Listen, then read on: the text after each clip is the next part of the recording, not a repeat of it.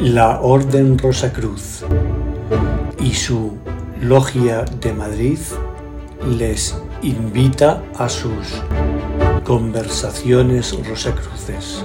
Tema de hoy, la ley del karma. Más información sobre la Orden Rosacruz en www.rosacruz.net. Saludos y bienvenidos a una edición más de eh, Conversaciones Rosacruces. En este caso les acompañamos Germán Prieto y yo mismo, Miguel Ángel Reyes, los dos de, con una larga trayectoria dentro de la Orden Rosacruz y pertenecientes a la logia que esta orden tiene en, Madrid. Para hoy eh, hemos pensado un tema que creo que les puede interesar. Vamos a hablarles sobre la ley del karma. Germán, ¿qué tal? Bien.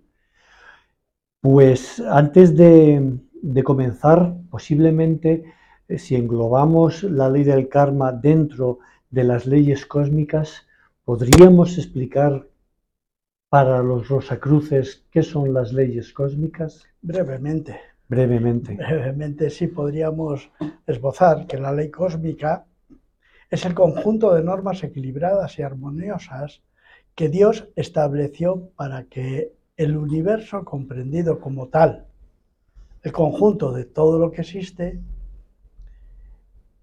que existe en todos los planos, en el físico, en el mental, en el emocional y espiritual, pudiese manifestarse de manera ordenada, perfecta y permanente.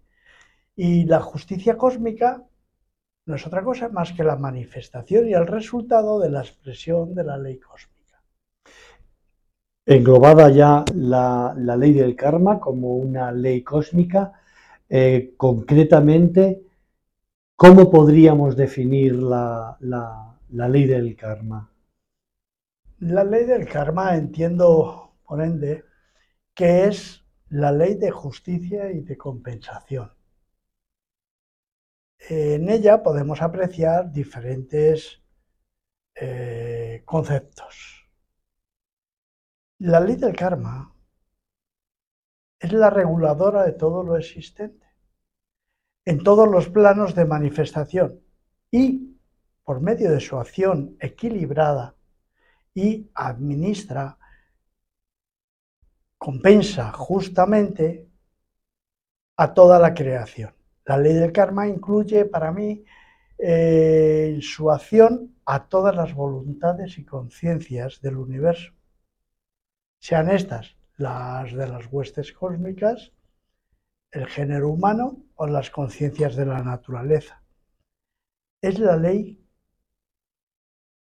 que lo rige todo y engloba en sí misma la acción de todas las leyes de la naturaleza. Entonces, eh, ¿cuándo se produce, cómo se produce en nosotros la, ley del karma y mediante qué medio se produce la ley del karma en nosotros, ahora mismo que estamos manifestados en, eh, en la materia? La ley del karma como ya hemos hablado, que se produce en todo el cosmos y en toda la naturaleza, se produce a través de nuestra creación, que no es otra cosa que los pensamientos. La ley del karma eh, no solamente se manifiesta de una sola manera o de forma individual, sino que puede ser grupal o puede ser eh, conjunta con otras, con otras corrientes. Es decir, puede haber un karma individual, el que cada uno hayamos creado, haya que compensar, y luego otro grupal, pues que puede pertenecer, se me ocurre, a un karma colectivo de una familia determinada, de una región determinada. Sí, incluso un país, incluso de la Tierra, del planeta. Del género humano como tal. Luego se manifiesta no solamente de una manera, de una forma individual, sino colectiva también. Porque esta ley aúna todas las demás leyes. entonces es la que compensa todas las demás, incluso con estas. No es como tenemos entendido vulgarmente una ley eh, personal y ya está. Y esta ley se empieza a crear a través del pensamiento de cada uno de nosotros. Pero alguien puede, eh, puede tener la idea del pensamiento, entonces las acciones no, son importantes. Tendremos que, aclarar que es que el pensamiento es la energía inicial que lo mueve todo, incluso las acciones. Es que el pensamiento, esta ley fue creada por la mente de Dios con el fin de regular todas las demás leyes, de equilibrar. Esta ley eh, sabemos que la creación comienza con el pensamiento. Tú puedes pensar algo, lo estás creando ya. La manifestación, la creación es la manifestación final, que es la ley del triángulo, pero para ello, lo primero, la causa primera, es el pensamiento y como tal es el producto de la ley, es donde nace la ley del karma pero eso le da al pensamiento un poder y una importancia que no imaginamos. Es que nosotros somos pensamiento, somos lo que pensamos. No somos otra cosa más que lo que pensamos, porque somos los dueños de nuestro destino somos los responsables de nuestras acciones y de nuestros actos. Nosotros creamos este futuro. Nosotros somos los que creamos este momento aquí y ahora. También alguien que nos esté escuchando puede pensar, pues anda que no tengo yo pensamientos a cabo del día, anda que no pienso cada vez que veo pasar al jefe que ojalá y le partiera un rayo, menudo karma me estoy creando. Además del pensamiento, podemos hablar de esa intención que le ponemos, esa energía, para que, para que no nos volvamos locos. Eh, es tan justa esta ley que no solamente compensarlo eh, se produce, sino que debe de llevar implícita no solamente ese pensamiento como creación inicial, sino una intención, una intencionalidad y un deseo. Si ese deseo no es el suficiente como para que se manifieste, se diluye sin llegarse a manifestar, porque ha sido más un impulso que un deseo anhelado y un deseo eh, que lo llevas hasta su final. Un deseo vehemente de que quiero esto, entonces sí que existe la creación. Pero como esos pensamientos son efímeros, son pasajeros y son de una manera eh, espontánea, así tanto visceral, sin llegar a más, no llegará a manifestarse y gracias que se diluyen. Es tan perfecta esta ley que hasta contempla esa opción. Hemos, ya en lo que llevamos de, conversación, la palabra justa, justicia, se ha nombrado varias veces. Pero desde fuera eh, nos puede parecer que la vida no es justa que no es justo circunstancias y situaciones que vemos alrededor. No es justo que un niño nazca enfermo, no es justo que personas sin aparente motivo nazcan en un entorno desfavorecido y otros en un entorno eh, material mucho más favorecido. Sí, eh, a priori eso es lo que nos da a entender lo que la injusticia de la vida en muchas ocasiones, a priori. ¿Por qué no contemplamos más que el aquí y el ahora?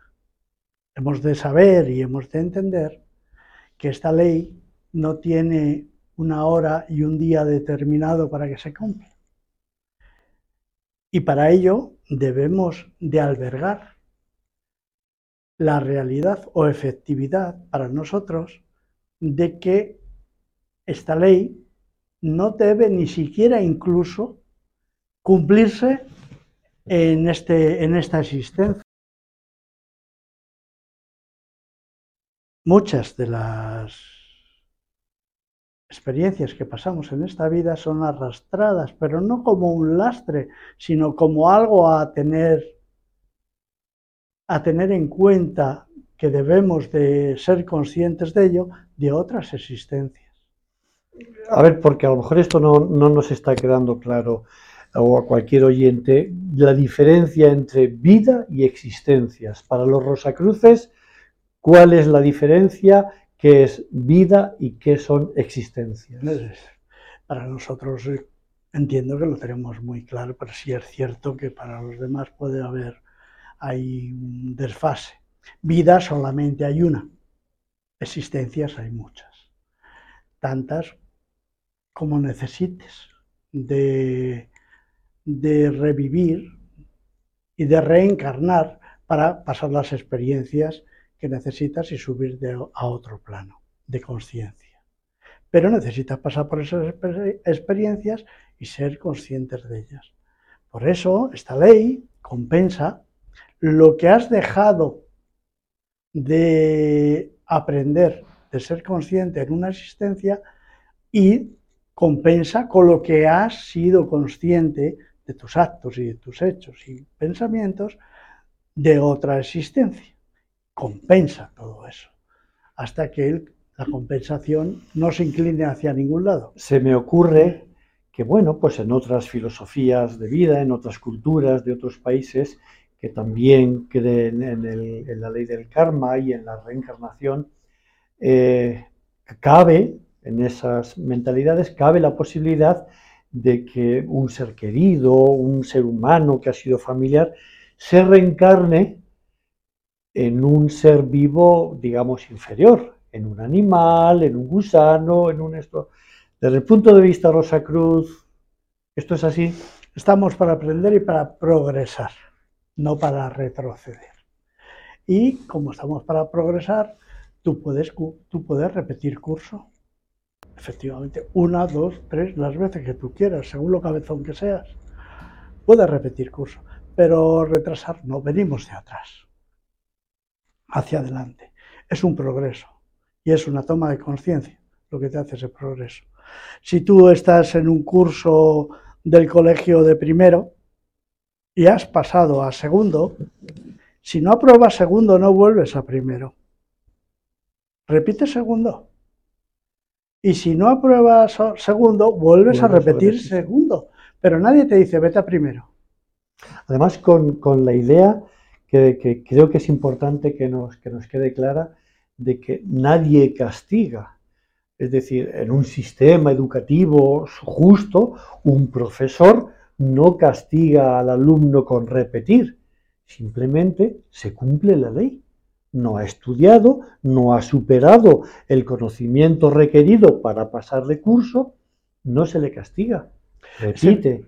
Eh, eh, es, es curioso y deberíamos ponernos en la piel de ese supuesto estudiante que ha repetido una, dos, tres, cinco, seis, las veces que sean.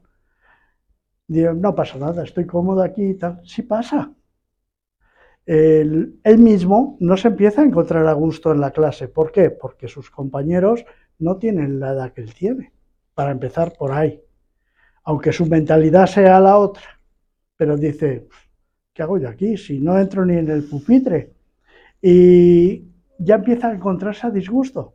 Y eso, sin que se dé cuenta, le está motivando para decir, bueno, aunque él no quiera, y aunque haya repetido las veces que haya repetido, está fuera de lugar, no está dentro de la clase, ni siquiera sus intenciones, pensamientos, sus deseos son los mismos que su compañero, que sería jugar con el juguete de turno. Digamos que eh, ya trasladándolo a, a, lo que son las distintas existencias, ¿puede haber alguna existencia fallida?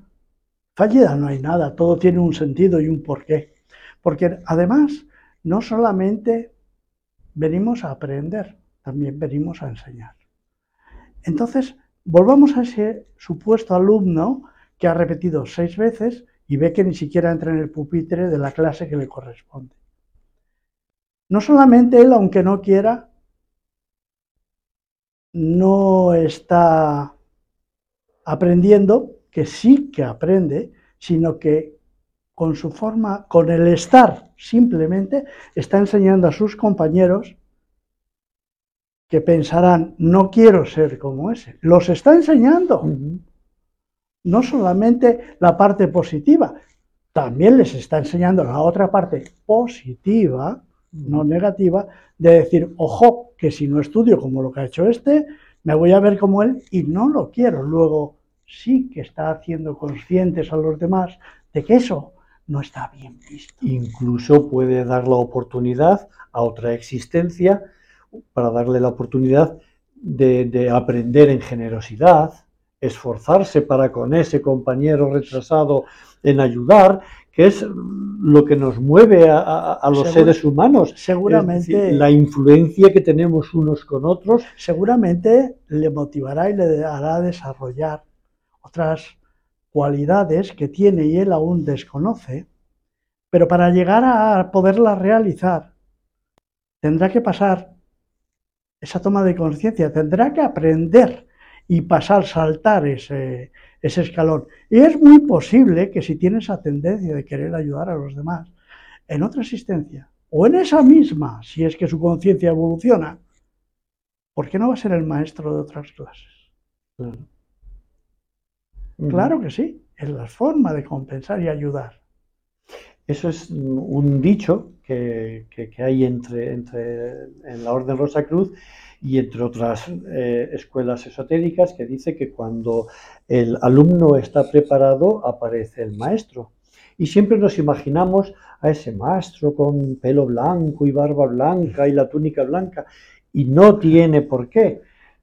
Maestro puede ser cualquiera que nos está fastidiando, cualquiera que nos está entorpeciendo, que nos puede enseñar aquello que en ese momento estamos destinados a aprender. Que lo aprenderemos o no lo aprenderemos, porque a lo mejor otra, otro tema del que, se puede, del que se debe hablar es de la sabia libertad a la que el hombre tiene derecho. Eh, la sabia libertad es el poder escoger el camino que tú deseas tomar en ese momento que se te presenta en la vida. Tú escoges, porque no, no dejemos de albergar que nosotros somos dueños de nuestra vida. Nosotros somos los dueños de nuestra propia vida. Hasta el punto de haberla elegido. Hasta el punto de haberla elegido y de haber elegido los momentos que han de acontecer para que yo tenga las experiencias necesarias para poder evolucionar. Esto alberga la, cosa de tener que saber que la existencia, cuando termina, no hay ninguna, ningún término de nada, es una continuidad. En otro plano.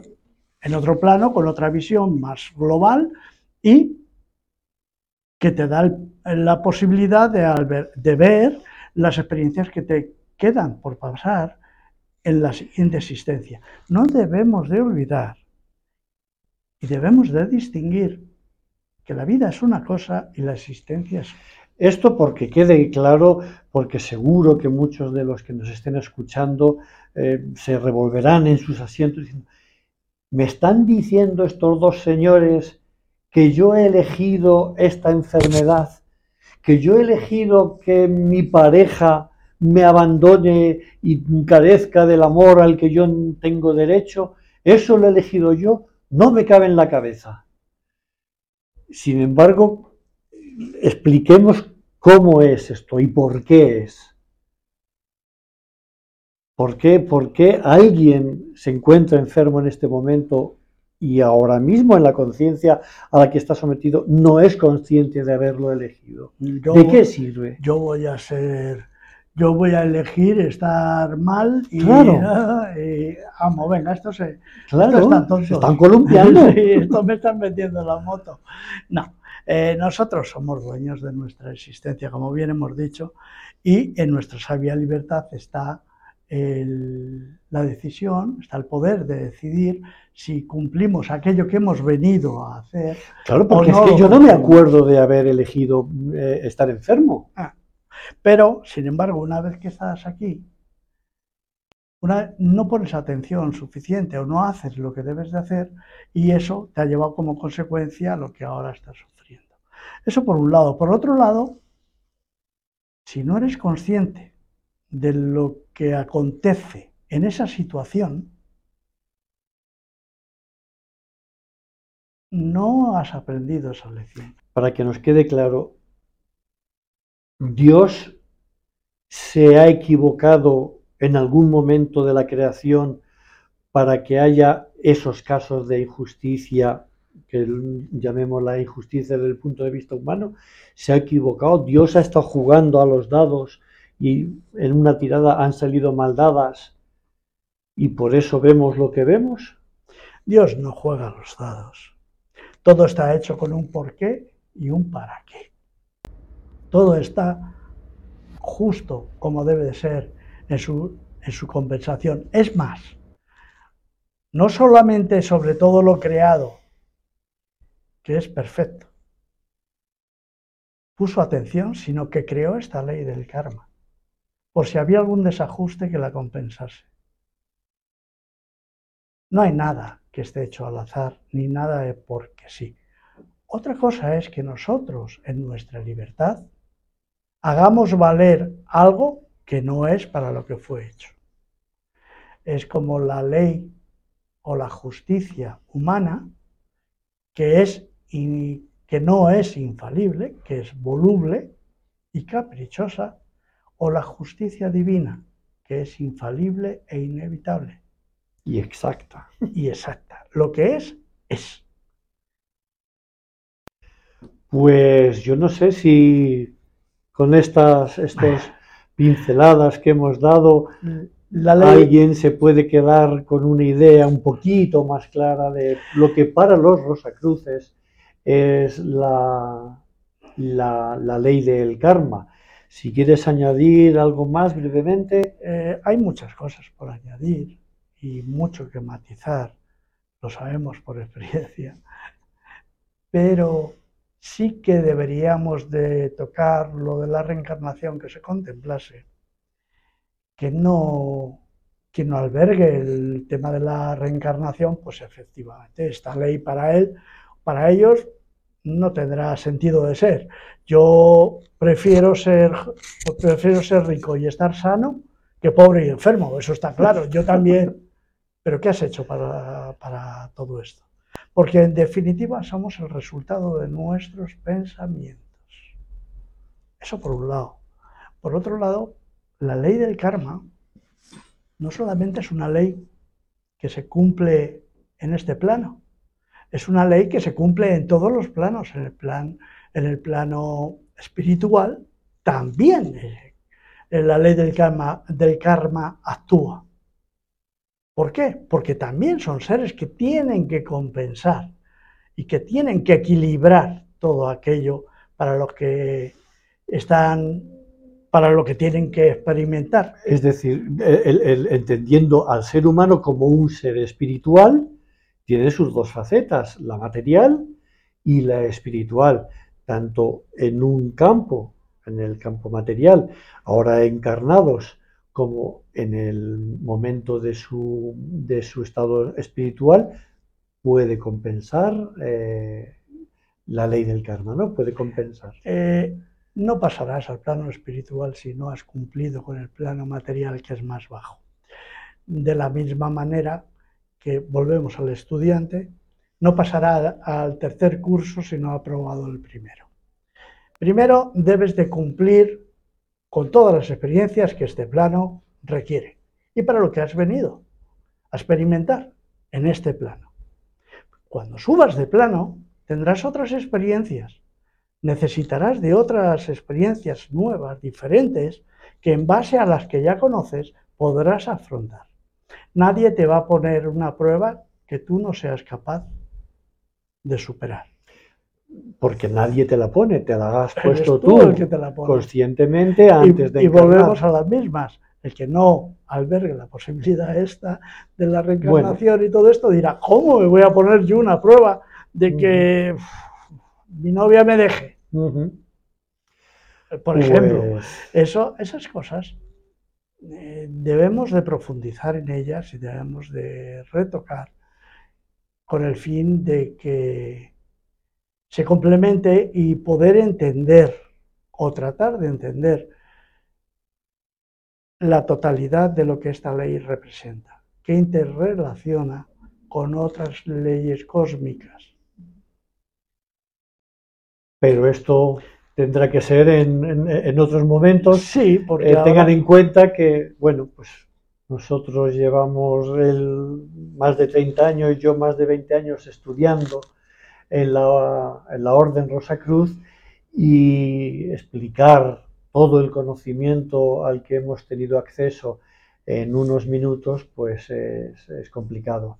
Eh, sí me gustaría aportar que la ley del karma no solamente es positiva ni negativa, cumple las dos funciones, es compensatoria hacia los dos efectos.